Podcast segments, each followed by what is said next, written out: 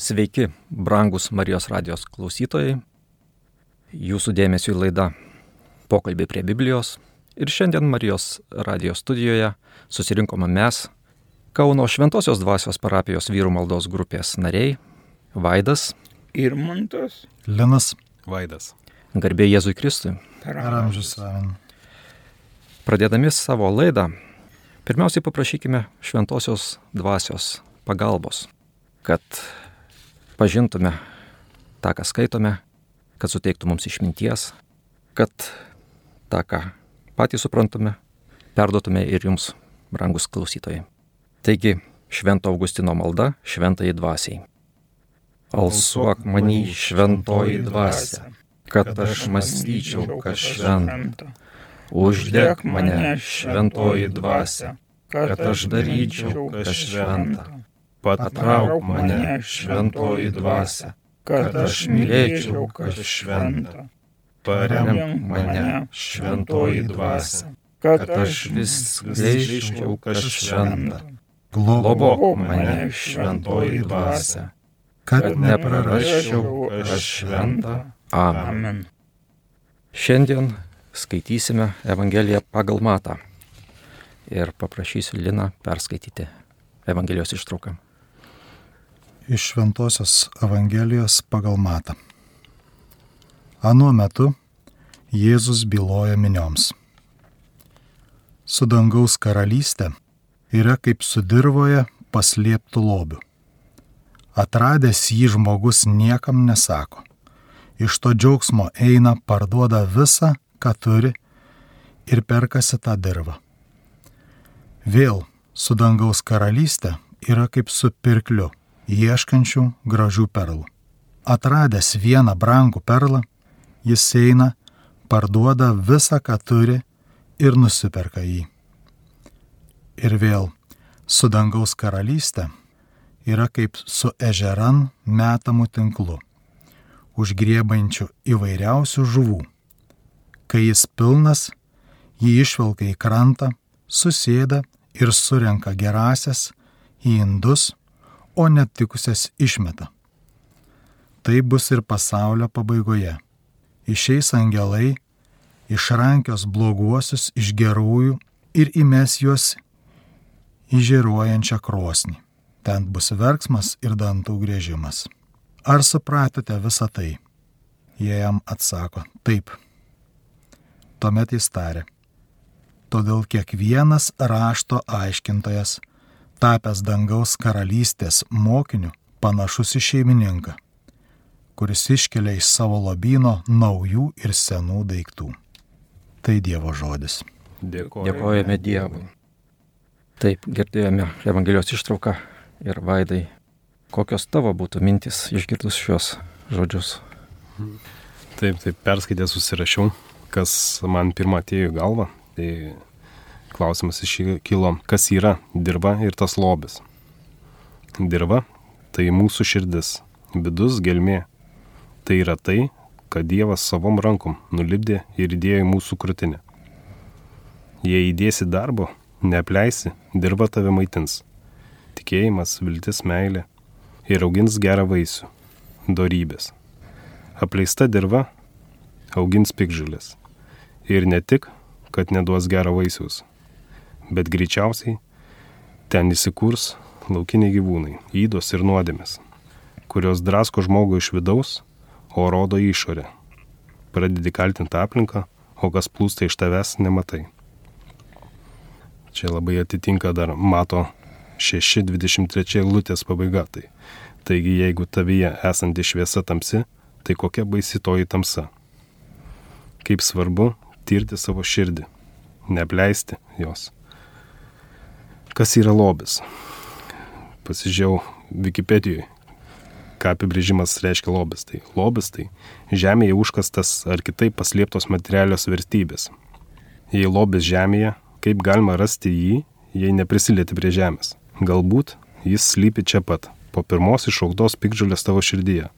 O gal teks paplušėti ir daugiau. Bet, bet kokiu atveju, tu jį rasi, nes Dievas nepleidžia nei vieno kuris šaukėsi jo pagalbos. Lobio šviesa spindi tavo gise, ji randa kelią į tavo širdį, nes ji pažįsta ją, ji pažįsta tavo širdį, tokia, kokia ji yra, ir jos nepasmerkia. Štai mūsų lobis, švenčiausioji trybė, Dievas tėvas, sunus ir šventoji dvasia. Atradęs jį, žmogus niekam nesako, iš to džiaugsmo eina, parduoda visą, ką turi ir perkasi tą dirbą žmogus praregi kiek laiko skirta pasauliui, kuris pririša tavo širdį prie puikybės, godumo, prie tuštybės, kuris neturi saiko. Žmogus niekam nesako, bet darbai jį išduoda. Kupinas džiaugsmo jis eina, nes atrado kelią. Parduoda visą, ką turi, nes pažino tiesą. Ir perkasi tą dirbą, nes suprato gyvenimo prasme. Taipogi čia labai tiktų Jono 14-6 eilutė. Jėzus jiems sako, aš esu kelias, tiesa ir gyvenimas. Niekas nenueis pas tėvą kitaip, kaip tik per mane. Taigi atiduokim pasauliu, kas pasaulio, o Dievui, kas Dievo. Rūpinkimės savo širdimi, nes pažinę ją, pažinsime ir jį, kuris mus pašaukė į gyvenimą. Tai tiek man tas tekstas prakalbėjo apmąstymui. Ačiū labai rimtas toks pamastymas, aš taip gal laisviau pažiūrėsiu iš šių dienų pozicijų. Tikriausiai nėra pasaulyje žmogaus, kuris nesvajotų surasti lobio. Atsimenu, vaikystėje irgi mėgstamiausios knygos ir filmai būdavo apie lobių ieškojimą. Kad ir Stevensono lobių sala, kaip, kaip plaukia žmonės per jūras, kad surastų kažkur saloje paslėptą lobį, kiek jie įdeda pastangų ir kaip jiems nelengvai atsieina tas lobio ieškojimas. Ir šiandieninis pasaulis, manau, irgi ieško lobių įvairių - garbės, turtų ir netgi ir tų pačių tikrųjų lobių nuskendus jūrų vandenyne irgi tam skiria milžiniškas lėšas. Tik tai kiekvienas filmas ir kiekviena knyga apie lobių ieškojimą paprastai baigėsi laimingai. Žmonės surado lobį, bet nebūna filmo pratesimo. O ką jie darė su to atrastu lobiu, materialiu lobiu? Ar jie gyveno laimingai, kaip susiklosti jų gyvenimas, ar jie nesusipyko dėl to lobio? Ir šiandieninis pasaulis irgi bando apgauti žmogų, kad jis ieškotų lobių bet kur, bet tik ne ten, kuris iš tikrųjų yra. Aš kaip žiūriu kartais iš šių dienų visuomenę. Kai kas bando atrasti lobį pramogose, kad ir sporte. Pažiūrėkim, kaip vakarų pasaulyje, kiek žmonių sekmadienį susirinka į stadionus, ypač Anglijoje. Dešimtys, šimtai tūkstančių per visą Angliją susirinka sekmadienį, vidurdienį pažiūrėti futbolo varžybų. Jeigu praeitumėm Anglijos bažnyčias, įdomu, kiek mes suskaičiuotumėm žmonių. Ir taip kartojasi kiekvieną sekmadienį, kol tęsiasi futbolo sezonas. Ir tų žmonių viltis, jų komanda, jų klubas, jie net pasiryžę susipykt svetimo klubo sirgaliai, netgi susimušt. Yra atveju, kad net ir nužudo. Yra tokių atvejų, kažkada net anglų sirgaliai garsėjo ypatingu aršumu. Ir gerai, kol sveikas, gyvas, nueini į tą stadioną, Bet ar kas nors tave atsimins, kai tave ištiks bėdos? Ir ar priims? kaip, kaip tas futbolo stadiono lankymas visą gyvenimą prisidės prie tavo sielos išganimo? Manau, kad labai mažai žmonių susimasto apie tai. Ir kiti lobiai, tariami lobiai šiame pasaulyje. Garbė, karjera. Kiek žmonių lipa per galvas, išduoda draugus, pamina principus, netgi žmogiškumą tam, kad užimtų aukštesnį postą, kad gautų geresnės pareigas, kad pasiektų tariamos garbės. Bet viskas laikina, viskas kažkada baigsis. Ir kaip tas tavo aukštas postas, kaip tavo karjera prisidės prie tavo sielos išganimo. Tai, kai tai pamastai, tai kažkaip gan liūdna darosi. Todėl iš tikrųjų laimingi žmonės kurie atranda tikrai lobį, kurie atranda tikrai džiaugsmą. Nes tikrasis lobis ir yra Dievo karalystė, kuri, kaip Jėzus mums sakė, jau yra tarp mūsų, belieka tik ją atrasti. Aš galvoju, kodėl iš pirmo žvilgsnio tokie labai panašus palyginimai yra sudėti vieną šalia kito. Sugretinti tiesiog viens šalia kito. Ir čia ir čia randa lobį, apsidžiaugia. Bet tie veikėjai yra skirtingi. Vienas veikėjas, kuris gal ne visai čia matosi, tas, kuris parduoda tą dirbą, kur nieko jo nerado. Jis buvo ant tokio didelio lobio ir nieko, nieko jie nematė. Parduoda ją. Kitas visiškai iš tikrųjų neieškojo lobio.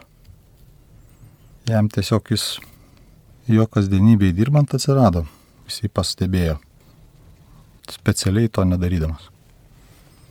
O trečias, jis jau pirklysis, kaip tik ieško tų brangių dalykų ir irgi atranda ir daro tą patį. Parduoda, ką turi ir perka tą gražų perlą. Aš irgi neieškojau iš tikrųjų Dievo specialiai. Ir tikėjimas turbūt atsirado kaip ta Dievo malonė, netyčia. Atradau per kitus žmonės,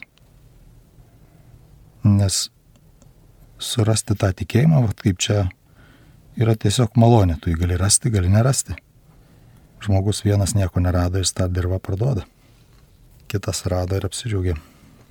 Tai aš irgi kaip tas, kuris neieškojo, bet rado ir apsidžiaugė baisiausiai, kai suprato, kas tai yra.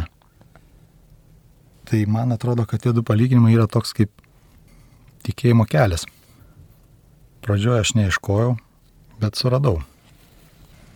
Per tokią, per Dievo malonę, tą lobį. Ir po to jau tu žinai, ko ieškai. Žinai, ko tikėtis, ko trokšti, ko reikia. Ir tada ieškai tu to lobio jau specialiai. Tam skiri savo laiką, savo kažkokias pastangas. Ir vėl eilinį kartą turi apsispręsti ir radęs tuos dalykus jos vėl pirkti tam tikrą auką. Kažką turi paukoti, laiką, kitus dalykus. Nes atrodo kartais to tikėjimo gal ir nereikia, neieškai. Bet iš tikrųjų širdį kiekvienas ir aš ieškau turbūt santykio, kuris mane atlieptų. Ir per tikėjimą, per žmonės aš jį radau. Ir įradęs tada pats to ieškai jau tikslingai ir skiri tą dėmesį ir tą savo laiką to lobio ieškojimą. Ieškojimui. Aišku, labai liūdna, kai esu susitikęs tokių žmonių, kurie tikrai gyvena, tarkim, šalia bažnyčios, šalia tikinčių žmonių ir to lobio netrado ir iš tikrųjų negaliu jų teist, negaliu nieko sakyti, nes tas lobis yra randamas daugiausia per kitus žmonės, ypač per tikinčius žmonės. Ir jeigu nėra tos dvasios mumise, tai nelabai kas ir mato, kodėl turėtų, tarkim, tikėti, kur čia yra krikščionybės vinis, kur čia yra tas džiaugsmas, dėl kurio čia tiek reikia džiaugtis radus. Ir tą supranti tik tada, kai atrandi Jėzų, atrandi tą asmeninį santykį su Jėzum. Nes jis atliepia tai, ko išgiliai pats trokšti. Ko troškai, tai tik per tą santykį gali atrastą stebuklą, tą lobį, kuris po to ir verčia tave ir įgalina tave ir leidžia tau toliau būti to jau kaip pirkliu, nesustot ties to vienu radimu, o jau toliau tęst kelionę, toliau ieškot tų perlų. Tai tiek. Taip. Ir kiekvienas lobio iškotojas paprastai turi kažkokį planą. Aklai lobio neieško. Ir kas yra tas planas, padedantis surasti mums tikrai lobį Dievo karalystę. Ir turbūt neatsitiktinai šios dienos pirmasis skaitinys yra paimtas iš pirmosios karalių knygos, kuris ir atsako į šitą klausimą, kasgi yra tas lobio ieškojimo planas. Ir čia mes skaitome, kai Dievas sako Saliamonui, prašyk, ko nori, kad tau duočiau. Ir Saliamonas viešpačiu atsako, todėl suteik savo tarnui imlę širdį, kad galėtų valdyti savo tautą ir suprastų, kas gera ir kas pikta. Saliamono prašymas rado malonę viešpaties akise, Dievas jam tarė, kadangi tu to prašėjai, neprašėjai nei ilgo gyvenimo, nei turtų savo, neprašėjai nei savo priešų gyvasties, bet prašėjai savo imlaus išvalgumo, kad galėtumai žinoti, kas yra teisinga, dabar iš tau įvykdau, ko prašėjai. Iš tikrųjų, suteikiu tau išmintingą ir išvalgę širdį. Tokio kaip tu nebuvo prieš tave ir toks kaip tu nekils po tavęs. Tai va, išmintis ir yra tas lobio iškojimo pagrindas. Ir žmogus einandamas tikėjimo keliu, manau, anksčiau ar vėliau gauna šitą dovaną iš Dievo, išminties dovaną, kad jis galėtų atsirinkti, kas yra gera, kas yra bloga, kas veda jį prie Dievo ir kas nuo Dievo jį atstumia. Ir tas vyksta kiekvieną dieną, netgi kiekvieną minutę. Žmogus turintis išminties atskiria net savo mintis. Žinom iš šventųjų gyvenimo, kad jie turėdami išmintį, turėdami šventąją dvasę, šventieji atskirdavo dvasias, kuri mintis kyla iš piktojo, o kuri yra įkvėpta šventosios dvasios. Ir ta tokia išmintis, jinai aišku neįgėjama per vieną dieną. Turbūt mes visi čia esantys galim tą paliūdyti, kad reikia nueiti ilgą kelią, patirt ir nuopolių, ir prisikėlimų, kad turėt tą išmintį, turėt tą viltį, nesustot, atsikelt nupuolus ir dėt visas viltis, viską dėt tik tai į vieną žmogų, į vieną asmenį, į mūsų viešpatį Jėzų Kristų, kuris už mus atidavė viską. Atidavė savo kūną ir kraują, sielą ir dievystę, tam, kad išgelbėtų mūsų. Čia su tuo antru 45 eilutė. Vėl su dangaus karalystėje yra kaip su pirkliu, ieškančiu gražių perlų. Tai tas e, žodis gražių perlų. Kaip ir pirklys. Šiaip mes kiekvienas esam tarsi pirklėjo, pardavinėjom savo laiką, savo dėmesį. Ir ieškam, kas gražu, kas sakė, traukia. Bet čia ir yra gyvenimo tokia kelionė, mes kiekvienas tą pereinam ir atradęs vieną brangų perlą, tai tas jau nebe grožis, o brangus. Tai jau su patirtimi ateina tau, kas yra brangu, kas yra vertinga. Jis eina, parduoda visą, ką turi ir nusipirka jį. Reiškia, tu negali dviejų dalykų turėti. Tai žmogus pasirinka savo kelią, o tą atradęs brangų perlą, bando išsaugoti su tuo ir išmintis ateina, man atrodo, su visu tuo keliu, kuris ir veda į, į tai, kas brangu. Ir savo vertę, man atrodo, tu gali sužinoti, kad e, ta vertė tavo suprantama, kiek už tave kas gali atiduoti. Ta vertė. Tai atsimink, kad už tave yra Jėzus Kristus atidavęs gyvybę savo. Ir tai labai, ta prasme, persmelkia, tu pagalvok prieš Tau gimstant, tu gimė iš meilės. Dievas norėjo, kad tu atsirastum. Ir už tave paukojo savo viengimį sūnų, kad tu gyventum. Ir šitą tiesą pažinęs, tu tiesiog renkėsi, kur tu eiti. Ar likti prie gražių dalykų, kur finalas, koks finalas laukia prie gražių. Kaip ir sakė, kad gėlė sužydėjo, jinai nuvyto ir viskas, ir laužai mieste. O brangus dalykai išliekam, žinai, tai yra širdis. Taip. Ir pratesdamas Vaido mintį.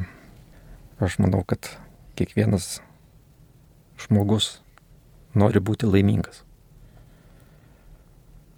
O tikrąją laimę suteikia tik tai meilė.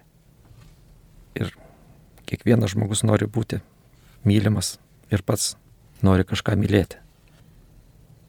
Ir tik tai pažinęs Dievo meilę, pažinęs Dievo prisilietimą, gali suprast, kad nėra didesnės meilės negu ta, kurią Dievas mus myli.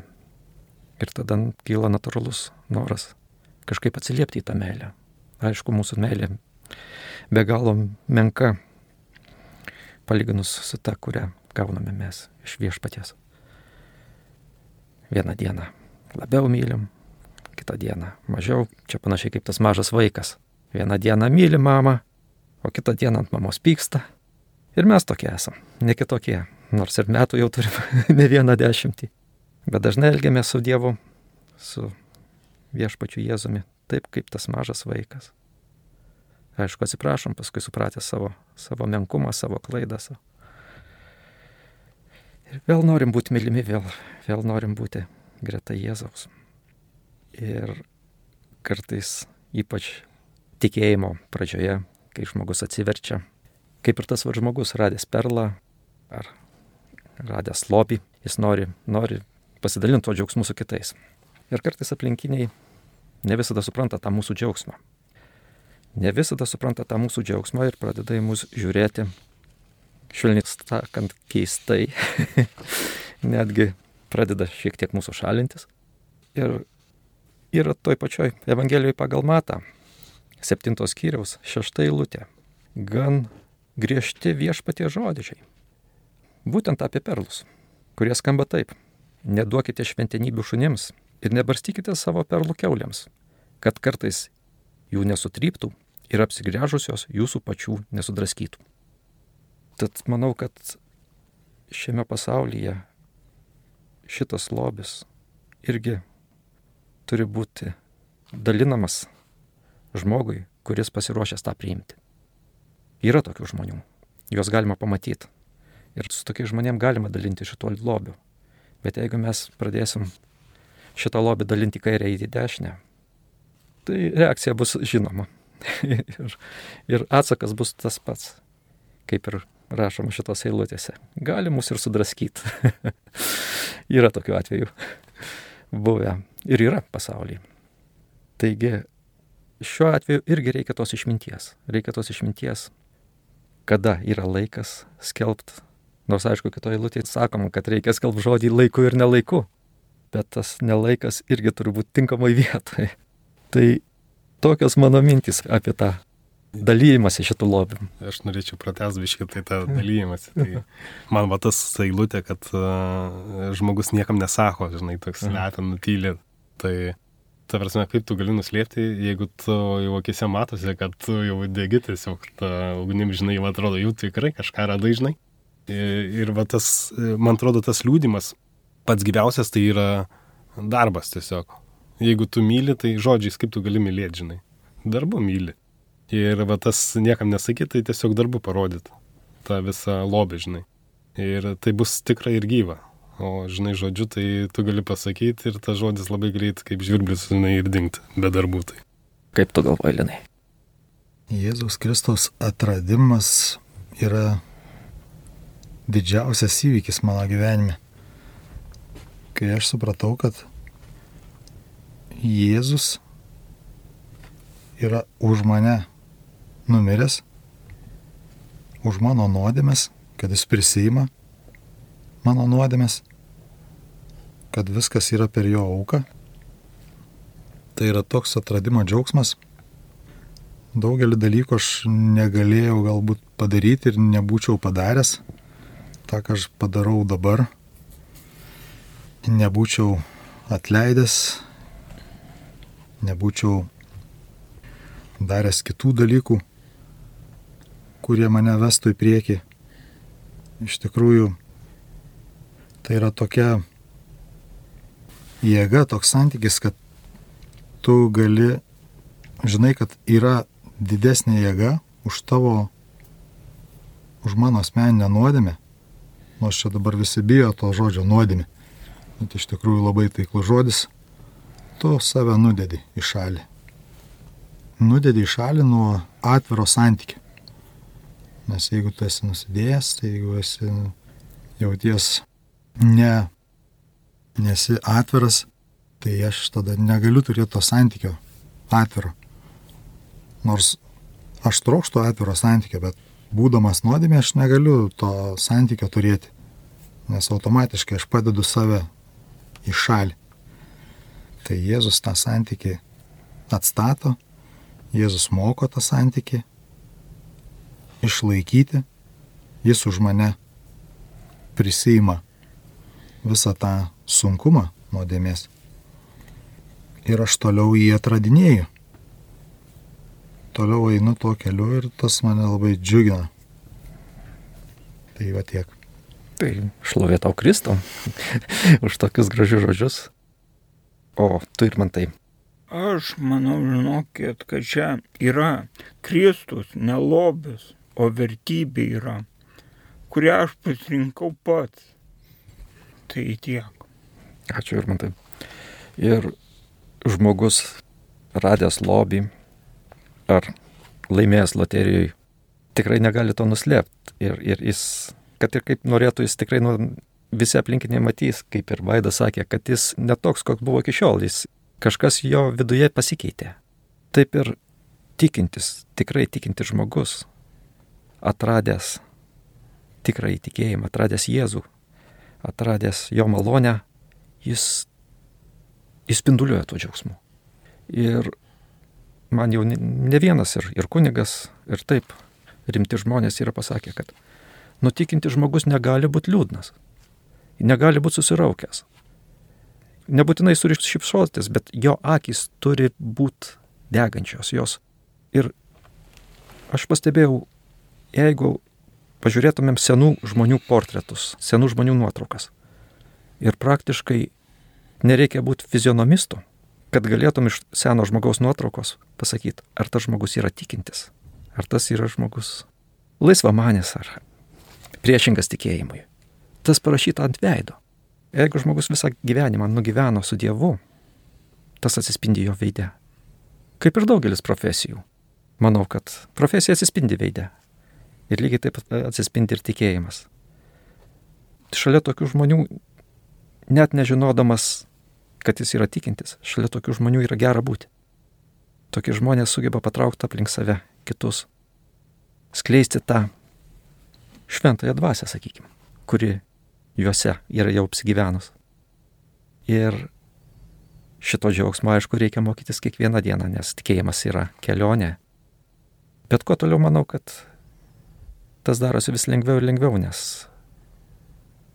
ką išmoksti, tai jau paskui tampa įpročiu jei išmoksti džiaugtis kiekvieną dieną, išmoksti džiaugtis viešpačiu Jėzumi kiekvieną dieną, tai jau ne, ne, nesukelia to pastangų, tas yra, yra tavyje ir tas matosi. Tai jo, ir norėčiau pratesti tas, kad e, dar ta eilutė, kad va, atradęs vieną brangų perlą, jis eina, eina. Svarbiausia, man tas žodis eina ir kitom irgi tas pats, kur ir dirba, irgi jis eina ir parduoda visą. Tai irgi čia reikėtų nenuleisti rankų, kad kažkas nepasisekė, jis eina. Tai visas gyvenimas yra įėjimas. Tai nereiškia, kad jisai sustojo ir džiaugiasi žiūrėdamas į tą ir, ir liko ten stovėti džiaugti, bet jisai eina ir parduoda visą. Tai lygiai, va, ir mano lygiai tas atsivertimas irgi toks buvo, kad sustojau, atrodo, radau ir turėjau eiti. Nes jeigu stovėsiu, tai ta lobis greitai miglą pralys ir, nu, pames jį ką reiškia eina ir parduoda, tai kartais reikia įsižadėti kažkurių dalykų, kad tą lobį išlaikyti, kad e, arti išbūti. E, kai kurie dalykai tai iš pasaulio, kurie kartais atitraukia tave nuo tikrojo gėrio, tikros tiesos. Tai va tas, kad eina jisai viską parduoda, tai čia toks net, sakyčiau, gyvenimo kelionė. Eini per visą gyvenimą ir visą atiduodi, kas yra priešinga Dievui per visą gyvenimą. Ir jis tau visą laiką pakelia iš širdies, nes širdis irgi labai įdomu. Kartai žvelgiai širdį, atrodo nieko nematai, bet Dievo malonė pakelia kai kurios dalykus, kurie teršia galbūt tą santykį su juo, ir turi visą tai atiduoti per išpažinti, per atleidimą, per kažkokias nuoskaudas. Ir va tas man eina ir viską parduoda, tai čia toks gyvenimo kelionė grinai, kad eini per visą tą ir visą atidavinėjai. Ir pabiški vis perki, perki dangaus karalystę. Ir abiejose eilutėse kartojasi tie patys žodžiai - parduoda visą, parduoda visą. Ne pusę, ne trečdalį, visą. Jeigu ieškosi Dievo karalystės, dalinai, norėsi pasilaikyti dalį savo buvusio gyvenimo, nieko nesigaus. Nieko nesigaus. Negali žmogus tarnauti Dievui ir mamonai. Apie tai irgi skaitome Evangelijoje pagal Matą. Yra šeštos kyriaus 24 eilutė, kur rašoma, niekas negali tarnauti dviems šeimininkams. Arba jis vieno nekes, o kitą mylės, arba prie vieno bus prisirišęs, o kitą nieku vers. Negalite tarnauti Dievui ir mamonai. Taigi, atėjus iš pasaulio, einant iš pasaulio link Dievo karalystės, negali būti įsikibęs į tą pasaulį. Problema yra ta, kad pasaulis į mus yra įsikibęs. Ir šitas labai jaučiama. Jis mus atakuoja visais būdais, jis nenori mūsų paleisti. Įvairiom pagundom, įvairiais klaidingais mokymais, įvairiais apgaulingais vaizdais. Aš kai pradėjau savo tikėjimo kelią, aš tiesiog jaučiau, kaip to pasaulio nagai suleisti į mane. Aš nekartą esu ir, ir jums gal sakęs, ir, ir per išpažinti sakau, kad aš negaliu. Norėčiau, o negaliu. Pavyzdžiui, alkoholio atsisakyti. Ačiū Dievui dabar jau. jau šitos problemos nėra. Paleido paleido pasaulis, va, atrodo, jokių pastangų. Nereikia. Nėra. Nėra tos, tos, tos problemos. Stebuklingai. Lygiai taip pat ir daugelis kitų. Einant link Dievo, daugelis problemų tave palieka. Tiesiog tie nagai, pasaulis nėra toks stiprus. Teisingai viešpats Jėzus sakė. Nebijokite, aš nugalėjau pasaulį. Jėzus yra nugalėtojas. O jeigu mes einam su juo, tai mes esam nugalėtojo draugai. Aš manau, kad yra labai svarbu pagauti tą gal mintį tokią, kad šventas raštas yra ne šiaip knyga, romanas, dar kažkas, bet tai yra man, man asmeniškai. Viskas, kas čia parašyta, yra man asmeniškai. Ir Jėzus man kalba labai konkrečiai ir labai asmeniškai kiekvienos eilutėse. Ta pagauti va tokį aštrumą iš tikrųjų. Nes, nu, kad ir šitos eilutėse, čia vėlgi, ar, ar aš nesu gal kažko praleidęs, kaip tas žmogus, kuris parduoda tą dirbą, nieko neradęs. Turi lobį ir jo nematai. Tai reiškia kažką praleidai. Tai čia tokia užuomina asmeniškai, kad būti budriam. Skaičiau tokį rašto eilutę, kur pasakyta, kad jeigu mano teisumas nebus didesnis už fariziejų arba rašto aiškintojų teisumą, tai nepapulsiu į dangaus karalystę. Ir aš galvoju, kaip aš galiu būti teisesnis už kunigą. Pavyzdžiui. Ir man taip labai gražiai susidėlioja tokia, matymas, paimkim paprastą įstaigą kalėjimą. Viskas vyksta pagal įstatymo raidę ir teisingai žmonės sėdi teisingai, nubausti, ten juos teisingai prižiūri, darbuotojai vykdo įstatymus ir viskas yra tikrai teisingai ir tvarkingai. Bet mes ne vienas nenorėtume gyventi tokioje šeimoje amžinai. Ir Jėzus kviečia visada padaryti daugiau artimam negu tai įstatymo raidė. Aš turiu būti daugiau turiu daugiau padaryti artimam negu tai įstatymo raidė. Tai iš tikrųjų Jėzus labai konkrečiai visada šneka, viskas yra man parašyta. Ir tas vat padeda eiti toliau, ieškoti tų perlų. Ačiū Linai. Ir baigdami šią laidą paprašykime Šventojios mergelės Marijos pagalbos, globos, nes šita studija, šitas radijas yra tikrai didelė šventosios mergelės Marijos dovana mūsų tautai, mūsų šaliai. Ir ačiū Dievui, kad šitas radijas klesti ir yra išlaikomas iš mūsų tikinčiųjų aukų. Tad pasimilskime švenčiausiai mergeliai Marijai. Tavo apginimo šaukiamės, šventoji Dievo gimdytoja. Mūsų maldų netmeski, mūsų reikaluose, bet nuo visokių pavojų mus visada gelbėk.